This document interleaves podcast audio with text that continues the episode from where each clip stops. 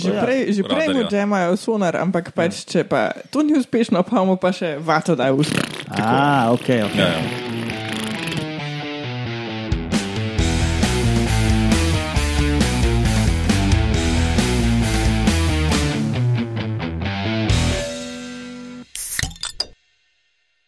Lep pozdrav, poslušate 46. oddajo Metamorfoza. Metamorfoza je podcast o biologiji organizmov, ki gostuje na medijskem mreži Metina Lista.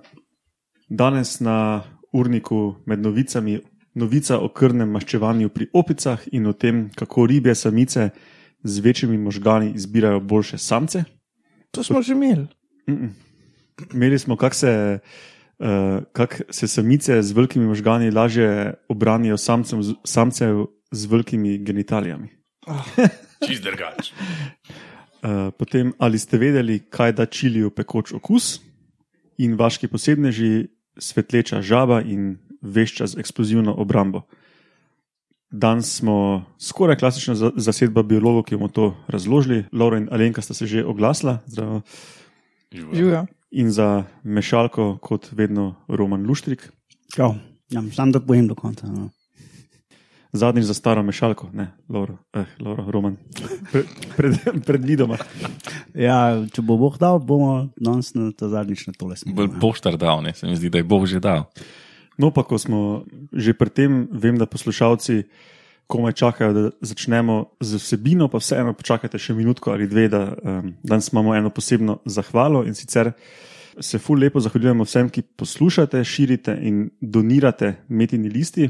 Naj si bo to uh, predvsem zaradi podkastov ali našega podcasta, ali pa splošno zaradi vsebin, ki jih uh, metina lista ponuja. Uh, Prejšnji smo omenili Dejana in njegovo donacijo, ker je v komentarju posebej omenil, da je to za metamorfozo. Verjetno pa vas je med poslušalci še nekaj takih, ki ste donirali tudi z mislijo na nas, pa se vam nismo posebej zahvalili. Uh, No, tukaj se zahvaljujemo vsem vam, ki ste donirali. Z vašo pomočjo smo ravno kar včeraj, ne, Roman, včeraj, Ja, včeraj. včeraj naročili novo mešalko, dodatna dva mikrofona, dva stojala in še par barvnih penic, to je tudi pomembno. Ne? No, in ta, ta novi sistem za snemanje nam bo omogočal, da bomo zdaj imeli vsi svoj mikrofon. Ne? Do zdaj smo si mogli po dva ali pa včasih tudi po štirje, dva po dva deliti mikrofone.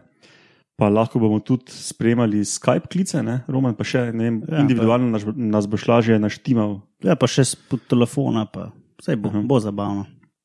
No, upamo, da bo to še izboljšalo zvok, ki ga boste vi dobili, pa tudi mi bomo lažje snemali. Da, um, ja, ful hvala vsem, ki donirate, pa seveda hvala tudi tistim, ki ne morete donirati, ampak vseeno uživate v naših oddajah, uh, ker pač zato mi to snemamo. Pa last but not least, ne seveda tudi hvala Metini listi oziroma ekipi Metine liste, brez njih to ne bi bilo na tem nivoju kot je, ne, oni nam dajo pač tako super platformo, da delamo en fajn podcast.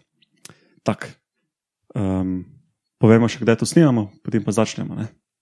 Na današnji dan 1827 je angliški kemik John Walker, in to ni, eh, ta ni izumil viskija, če se kdo sprašuje.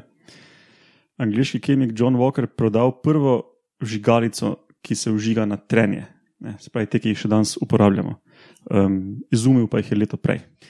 In na današnji dan, leta 1948, so Združeni narodi ustanovili Svetovno zdravstveno organizacijo.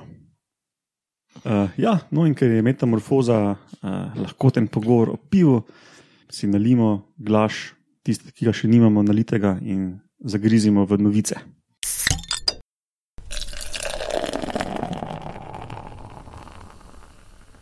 Zdaj, ko smo si nalili glas piva, lahko povemo še, da je z nami tudi Matjaš Gregorič.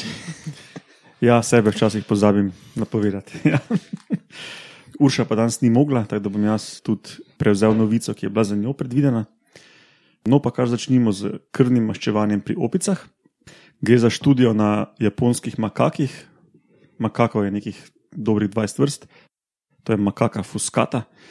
In za makake na splošno je značilno, da živijo v velikih skupinah, ker se odnosi, socialni odnosi postavljajo prek raznih bojev, pretepov, agresije.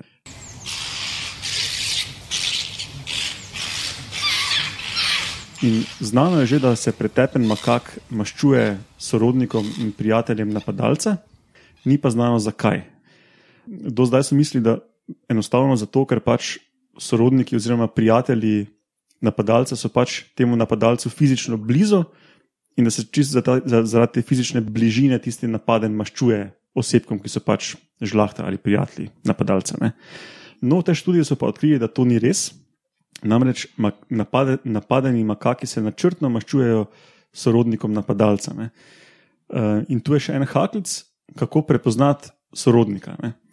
In v tej študiji so gledali, so, je pač bila velika skupina makakov, ker so bili tudi zelo stari osebki noter, ki so odraščali v tej veliki isti skupini. Ampak so ugotovili v študiji, da niso sposobni prepoznati sorodnikov, glede na to, s kom so odraščali, od katere mame so. Ne. To so pač pozabili. Ja, no, in um, ugotovili so, da na to, kdo je sorodnik, sklepajo glede na to, kdo se s kom druži. Tako da, ko se maščujejo, napadeni makaki se včasih maščujejo tudi prijateljem, ki niso sorodniki. In zakaj sploh maščevanje? Izkaže se, da če se makaki maščujejo sorodnikom napadalca, to zmanjša bodoče napade na njih same. Ne? Tako da je nek selekcijski pritisk bil verjetno zato, da se pač maščujejo sorodnikom. Eh, Hec pa je tudi, da se makaki včasih maščujejo prijateljem, ki niso sorodniki, to pa napade bodoče ne zmanjša. Vseeno pa avtori iz teh podatkov sklepajo, da to pač ocenjevanje čez palec, kdo je žlahta, glede na to, kdo se s kom druži, je pač dovolj učinkovito, da vseeno dovolj zmanjša bodoče napade in da je pač selekcija delala v prid temu, da se maščujejo. A med Te- sabo pa prepoznajo, kdo je njihov lasten sorodnik. To pa ni pisalo, ampak sklepam, da že ne. Verjetno je. Zato je pa mogoče, ja, se si sam prijatelj napadel. Eh, da bomo vse. Če pa, oj, mojega brata spretipu, to pa ne. Ja, ja ampak um, tu potem ni tisto oko za oko, ne, da aha, mojega brata si mi pretepel, te bom nazaj, ne, ampak je tu, u, mojega brata si pretepel, mogoče te ne bom še enkrat. Ne. Mm. Tako da to je bolj tako en um, znani grafit v Mariboru, že full star, se, jaz, ja- jaz se ga že iz osnovne šole spomnim. Oko za oko, pasta za zobe. Um, ja, to je to. Kako vprašanje?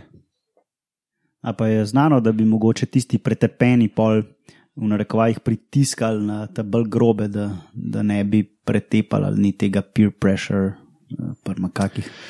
To ne vem. Da bi se žrtve skupaj ustanovile skupino za ne, ne. nenasilje. No, Al- Alenka je v bistvu razmišljala v pravo smer, ker je pisalo, da uh, napadeni makaki, ko se grejo maščevati, doskrat si poiščejo um, LIS. Pajdaše. pajdaše. Ja?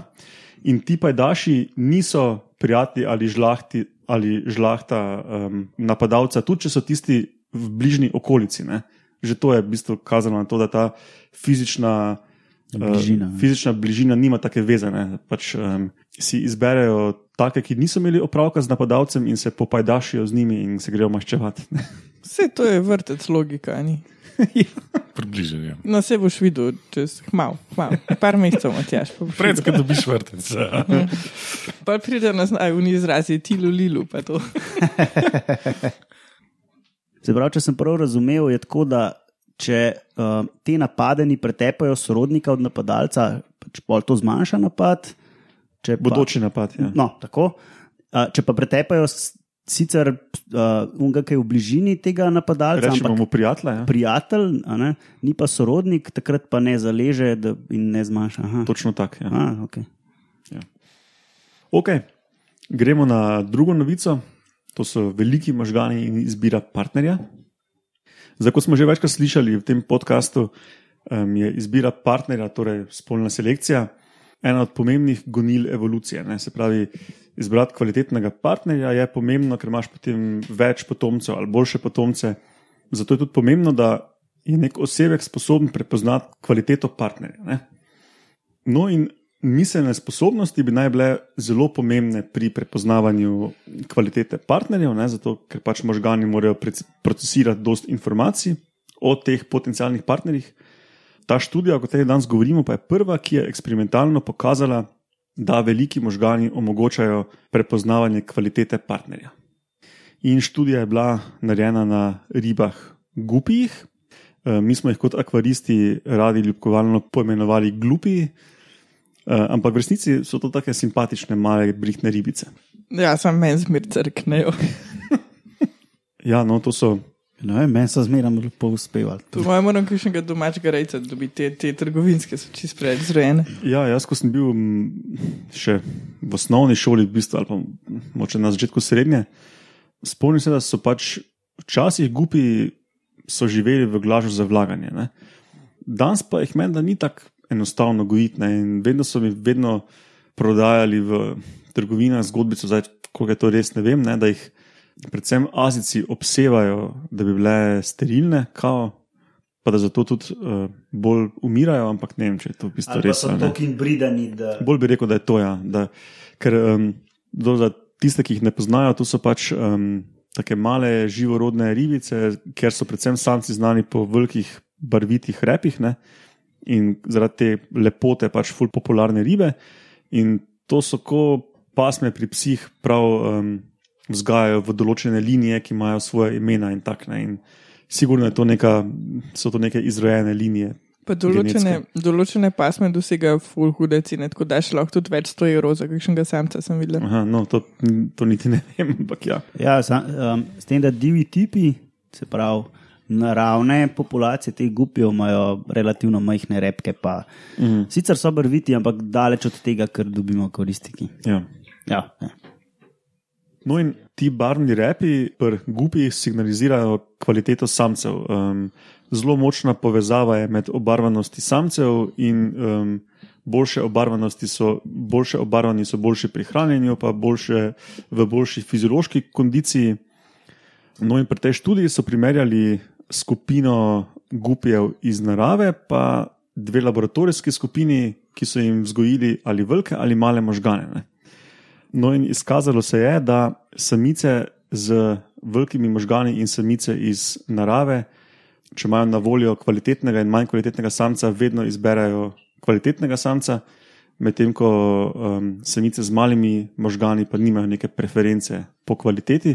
Um, hkrati pa so še pokazali, da so vse te ribe iz vseh skupin enako dobro videle, enako dobro plavale, kaj niso pač našli nekih indicov, da bi karkoli druga vplivalo na izbiro partnerja. Ne. A pa ja, kakšen podatek, kakšna je bila razlika v velikosti možganov? Zato, ker pa teh mojih gupih, ne, to je tako bu, od budske glavca velikost možganov. Sred so mini, ne, že v osnovi ribe nimajo neki buhove kaj.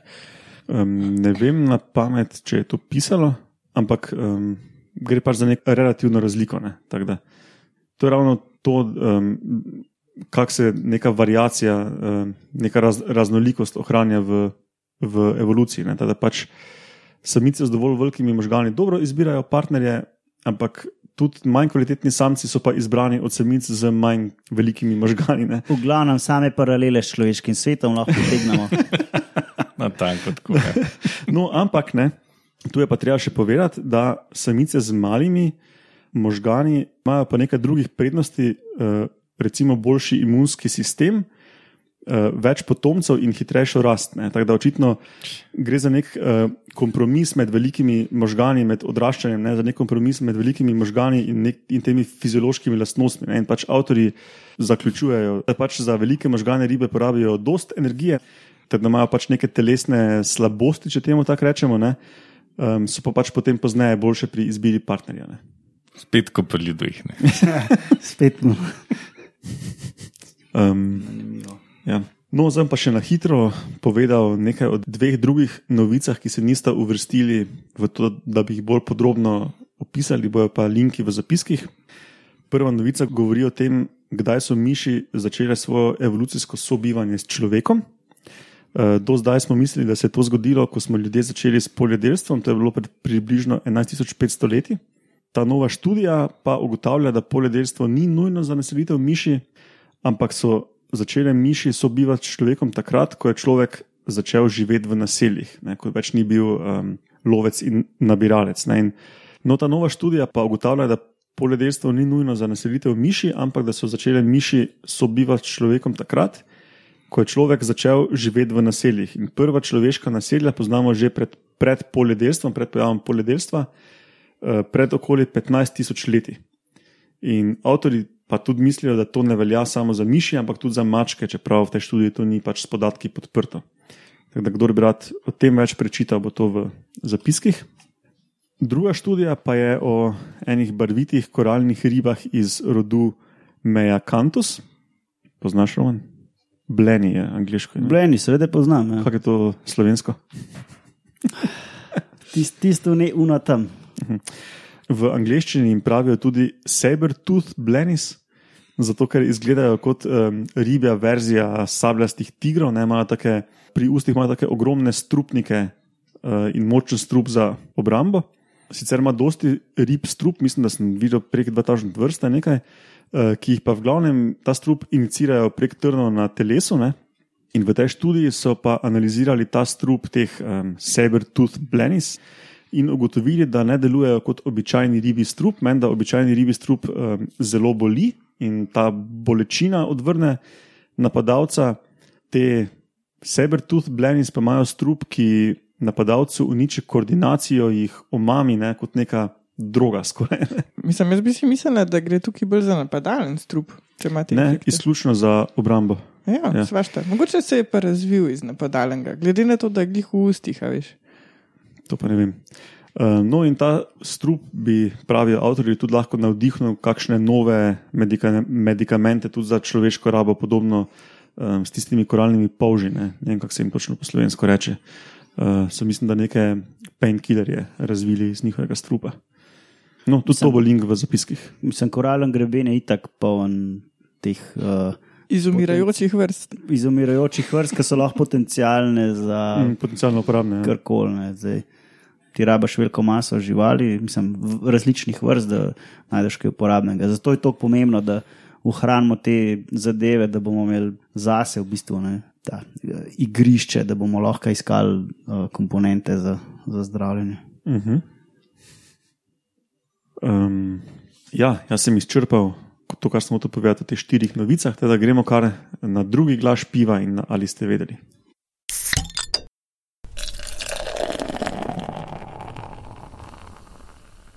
Ali ste vedeli, zakaj paprike pečejo? No, vsega je kriv, kriva ena molekula, ki se imenuje kapsicin. In v bistvu, poleg te molekule je kriv še receptor za to molekulo, ki se mu reče presenetljivo kapsicinski receptor. No, in kaj, Zakaj pa imamo? in kaj ta receptor zaznava? Točno to. Um, namenjen je predvsem v regulaciji telesne temperature. Aktivira se pa recimo pri temperaturi večji od 43 stopinj Celzija, se pravi, ko se spečeš. Aktivirajo ga določene kisline, pa seveda kapsicin, pa še tudi uh, neke druge spojine, recimo tudi, ki so v gorčici, hrenu, vazabiju, tako te stvari, ki pečejo. In skratka, point tega, da paprika peče, da aktivira ta receptor, ki pol sporoči možganom vroče. Ja, no, um, ta kapsicin uvrst, v, kemijsko uvrščamo med alkaloide, ki je pa v bistvu Teksas med um, organskimi spojinami. Sem uvrščamo pretežno rastlinskega izvora molekule, ki ne vemo, kam bi jih drugamo taknili, recimo tudi atropin. Če ste poslušali XY oddajo, Kaj? Mislim, da je tudi ricin tam noter. Ja, atropin je iz volče češnje en alkaloid, potem je kinin, to je tisti, ki je v toniku, ki daje grenčino, pa tudi proti malariji. Kokain, kofein, morfin, nikotin in strihnin, ki je v bistvu en strup. Včasih je bil bolj popularen kot je Za podgane. Ja. In može. No, torej, um, pekoča paprika ne povzroča nobene de, uh, fizične poškodbe ali karkoli, sam pač aktivira ta receptor, ki pa sporoči vroče. Um, to je v spomin te pekoče paprike, da sesalci ne pojejo semen, ker uh, v uh, sesalčih prebavilih se ta semena čisto uničijo in pač brez veze. Medtem ko pti, na ptiče pa kapsicin nima nobenega efekta, zato ker ptičja prebavila pa dejansko spodbujajo kalitev semen paprike. Tako da ptičev ne peče. Se pravi, to je ful taki lepi primer evolucije, ne, kjer pač uh, Se rastlina brani. Um, se rastlina s to molekulo ja, brani pred um, Objedanjem. sesalčjim objedanjem, ne, uh, hkrati pa favorizira ptičje, ptičje objedanje. objedanje, ja, ker ti pre, pa prenašajo semena. in tako, Mhm. ne. Okay, pa sem si pa pripravila še eno zanimivost. In sicer enote za pikantnost so skovili ali scovili, ne vem kako točno se to iz- izgovori. Pogruntal jih je pa leta 1912 gospod Skovili. Naj jih je on poimenoval. Ja? No, ne vem, če jih je on. On je v glavnem delal s temi čili, rečo je čilijo ekstrakt v sladkem sirupu in to so poskusni osebki, ljudje, okuševalci. Pač ocenili, a peče ali ne. In tam, ker ni več pekel, pač to, kar je bila rečitev, to skoviljev je zadeva pekoča. Zdaj ne vem sicer, zakaj ni uporabljal navadne vode, ampak je sladkano, ne tako da po mojem to ne ena fura zraven. Ampak v glavnem to so zdaj te enote. Ne?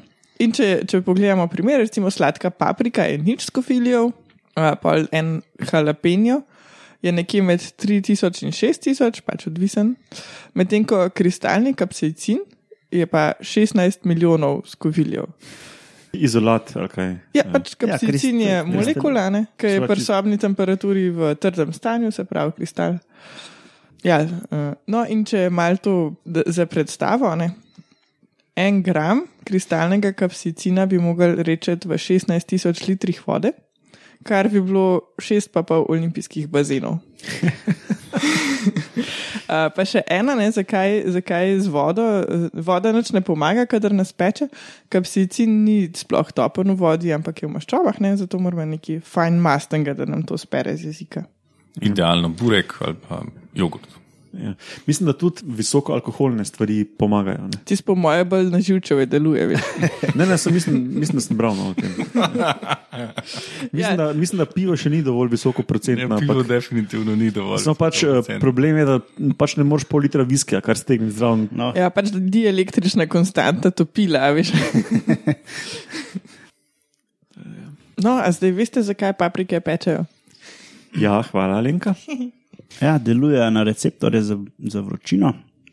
Aha, ja, v bistvu je pa še, lahko še malo gobezdam. Okay. Uh, včasih dejansko povzroči vnetje. To pa zato, ker pač, uh, ko so ti žilčni končiči za bolečino razdraženi, avtomatsko povzročijo vnetje. Kapsicinski receptori pa niso samo v ustih, ampak jih imamo v bistvu vse posod. Tako da, punce, če boste kdaj vlagali pekoče paprike, dajte to delati z rokavicami. Zakaj samo punce? Ej, nisem še nobenega fanta nikoli videla vlagati. paprike.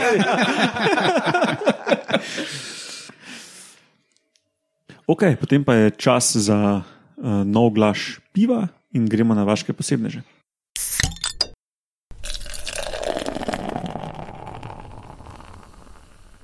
Prvi vaški posebnež danes je svetleča žaba.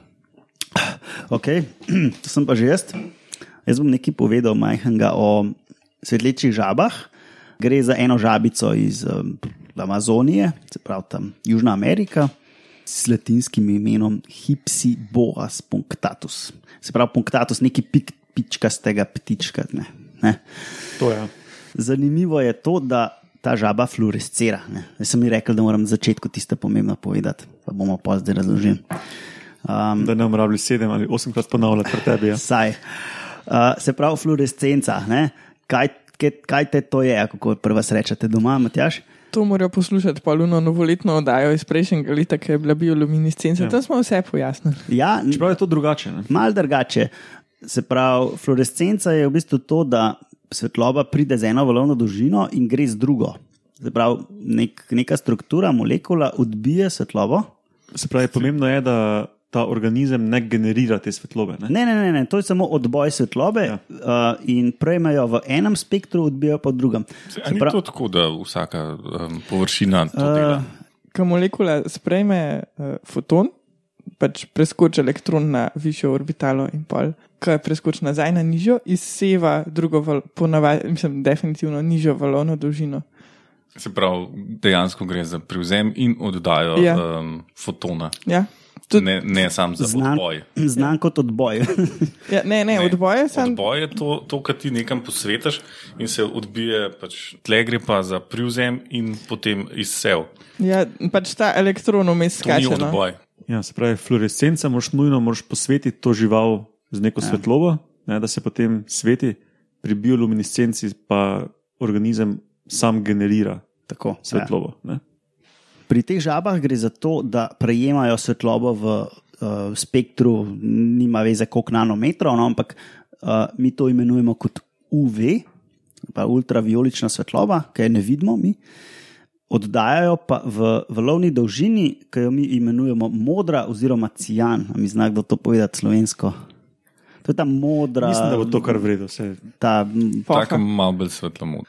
um, se pravi, ta fluorescenca, sprejemanje valovne dolžine v enem spektru in oddajanje v drugem, je bila do zdaj pri vretenčarjih znana na kopnem, pri papigah, tam v mokrem, pa pri različnih ribah, pa pri celo morskih želvah. Ne. To, To je sem bilo že lani, malo- meni se zdi. Ja. To sem jaz malo že pozabil. No, in zdaj so odkrili še to fluorescenco pri žabah, teh žab ali pa rečemo dvoživke, tisoče, ne, sem, nekako nisem si zapisal. Uh, no, in to je prva najdba pri teh dvoživkah, da oddajajo tako svetlobo. Sklepajo na vlogo, da bi bila to lahko mogoče fotozaščita, antioksidacija.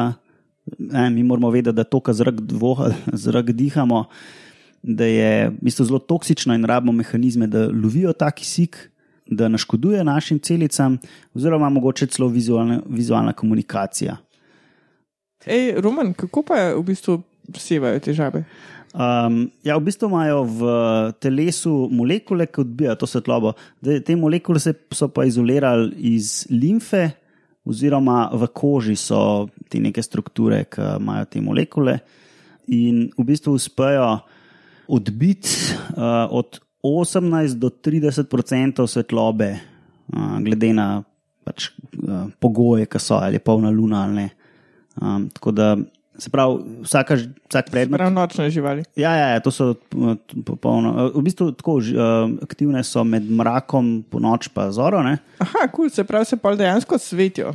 Tako, Ja, ja, ja. mislim, da so, mislim, da so ti, ki so jih našli, um, so z UV lampami pač po noči po gozdu hodili in so jih videli. In seveda pač kopenskih živali ne fluorescira ali pa bioluminicira, dosti ne, pa se tam, tam svetijo ene žabe in pri vretenčarjih je to še bolj redko. Ne, in so, no, wow, ok, to je treba raziskati. ne. Iščeš škorpione, najdeš pa žabe. Tako je. Za poslušalce, škorpioni se vsi, čist vse vrste um, svetijo pod UV svetlovo. Teda ja, današnji vaški posebne še Ja. kar redkost med žabami, No, je pa, oziroma pretenčari na splošno. uh, je pa to ena majhna žabica, recimo ne 3 cm velika, tako pod navadno svetlobo je tako svetlo zelena, tako drap s pikicam, uh, kot sem že rekel, iz Amazonije, pol po noč, ki jo luna ob svet, pa celo malo veja zraven. Ne? Pa to odbija v neki drugi barvi in se jo lahko dejansko vidi. Slika ta kontrast med uh, dnevno svetlobo in svetlečo nočno žabico bom dal v zapiske, da um, tudi če prek telefona poslušate, boste to sliko videli. No, super. Ja. Hipsi boas punctatus, če kdo pozabi. Dobro. Zapišite si za uho. Uh, okay. Drugi vaški posebnež pa vešča z eksplozivno obrambo pred prenilci. Laura.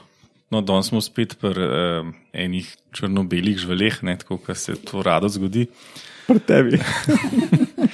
Uh, tudi ta veša je, oziroma veščec je um, črno-bel, gre za eno pa pol centimetra veliko žival in sicer za nočnega metulja, torej veščo, uh, ki pa je posebna zato, ker uh, izza telesa oziroma z nekih vrečk, ki jih ima na telesu, um, izloča eno tako prejo. Kar je po svoje poseben, po svoje pa ni tako poseben. Zakaj ni poseben? Zato, ker to tudi njegovi sorodniki delajo. Za samice ne vejo, ker še niso našli. Torej, njegovi sorodniki delajo to um, včasih med parjenjem, včasih, če se ujamejo v uh, pajkovo mrežo, recimo, pa se tako rešijo. Za tega, oziroma za njegovo vrsto, so pa ugotovili, da iz uh, tistih vrečk izločijo pač to neko tako prejo, ki zgleda, kot ena taka vata uh, ki je rahlo lepljiva. In um, če pač to žival primeš, izloč to, ali pa če ga ujame netopir, ki je njegov plenilc, tudi izloč to in potem ga netopir spusti. Um, ja, Kot je, kot je Alenka rekla. um, morajo še testirati, ali je preja strupena za netopirja, tega se še ne ve. Pa potem vprašanje je še. A je to, kaj pomembno pri parjenju, glede na to, da druge vrste uporabljajo to tudi pri parjenju, ne vem na točno na kakšen način. Sam najprej morajo samice najti. Najprej, ja, definitivno. Ja, ker to je, mislim, da še neopisana vrsta. Ne? Uh, ja, gre za novo vrsto. Ne? Je pa pač zanimivo zaradi parjenja, zato, zato ker se pač menda um, ta preja ne regenerira, da je pač končno število. In zdaj pač, če on to prejo ponuca, je pa vprašanje, če se lahko pol še para, ne? ampak tega pač jim očitno še ni uh, uspel pogledati. Ne? Spravi ta vešča, jo en netopir zgrabi in um, zelo hitro pff, Ja, to, ja, to ona- volnasto pizdarijo spusti ven. Ja, in netopir se ustraši in jo spusti, in ona preživi. Poleg tega uh, je pa še Banff zaradi tega, ker lahko uh, blokira tiste um, netopirjevo eholokacijo. Kaj prav blokira eholokacijo? Um, ja, tehnični izraz je bil uh, jamming, uh, echolocation. tako da- Se pravi, ko udne topir tam dela pip, pip, poluna večja zranje. Ja, pač ni, ni pisal na, na kakšen način točno to naredi, ali zvokovno, pač verjeten, Verjetno, ja. uh, da pač nekako Ja, zablokira, tako da netopir pol ne zazna te više. Ne. Ne šliš veše. Vse te ja. veše imajo drugače, dost, dost vrst ima take kakšne um, izogiba, izogibalne. Ja, ja, mislim, da je to mehanizme. splošno znano pri veščah, da pač nekatere imajo te neke kontraadaptacije za netopirje, ne, da pač jim blokirajo, džemajo eholokacijo. Ja, z, z svojimi lastnimi zvočnimi signali. Ja. A, se pravi, v bistvu, ker na topir zagrab, ima polna usta tega prediva, mogoče in pol ne more v bistvu, producirati teh eho klikov. Ne, ba je, da se Ne. pač ustraši, ker pač tam začne unavata mu zlesti iz ust, pa, pa pač spusti. Aha. Ta, ta vatasta zadeva se izloči eksplozivno, zelo hitro, ko je že zgrabil netopir to veščo. Ja, ja. Tle, tle to nima več veze z uh, jammingom. Že Ja. prej, že prej mu džemajo sonar, ampak pač, če pa to ni uspešno, pa mu pa še vato daj v usta. A, ok, ok. Ja, ja. Tako kot je Matjaš rekel. No, ok, pol pa uh, raje sklenimo to 46. oddajo. Kot rečeno, podcast gostuje na medijskem mreži Metina Lista, natančneje na metinalista.si slash kategorij slash metamorfoza. Roma se mi že reži, ne? Zelo antiklimatska, ampak ja, je dobro. Posledite nas lahko tudi, uh, oziroma polajkate na Facebooku, uh, Metamorfoza ima Facebook sajt, pa na Twitterju pod hashtag Metamorfoza oziroma ključnik Metamorfoza najdete um, neke Nas ali pa Poljake. nas ali pa Poljake, ki se pač, ki se grejo total body makeover, kako se ljudem reklo. Ja, pa Romana dobite na Twitterju na Afna Romunov, pa mene na Afna Matjaš Gregorič, pa Uršo, ki je danes ni pod Afna Gozna Še ne Jožica. Ja, Urša ima Twitter račun, ampak ni aktivna. Takrat, ko mi kaj klikamo, je aktivna. Alenka in Lauro sta aktivna na Facebooku in na svojem blogu Slastno. Zdaj, ki je pomlad, sva glih objavila. Glisno to reči, zdaj ko je pomlad, je blog bolj aktualen, ker je blog poln um, dobrod z, kako se bi temu reklo, aktualnimi Sezonski. sezonskimi. Temu se reče recepti z užitnimi divjimi rastlinami. Tako, evo. Če hočete vedeti, kaj lahko požrete, okol bajte in malo širše okol bajte, slastno. Ja, hvala vam, vsem poslušalcem, za donacije, za širjenje po vaših družabnih omrežjih, um, razne komentarje, kritike, pohvale itd. Vam trem za sodelovanje in do poslušanja naslednjič. ne. Če bi kdo kupil mešalko, našo to staro. Behringer Zenix QX 1202 USB, jo podpišemo za vas, sem kol ni bila polita z alkoholom, uh, kot nova. Niti s čim drugim. Evo, gasno naj spomnim. Ja.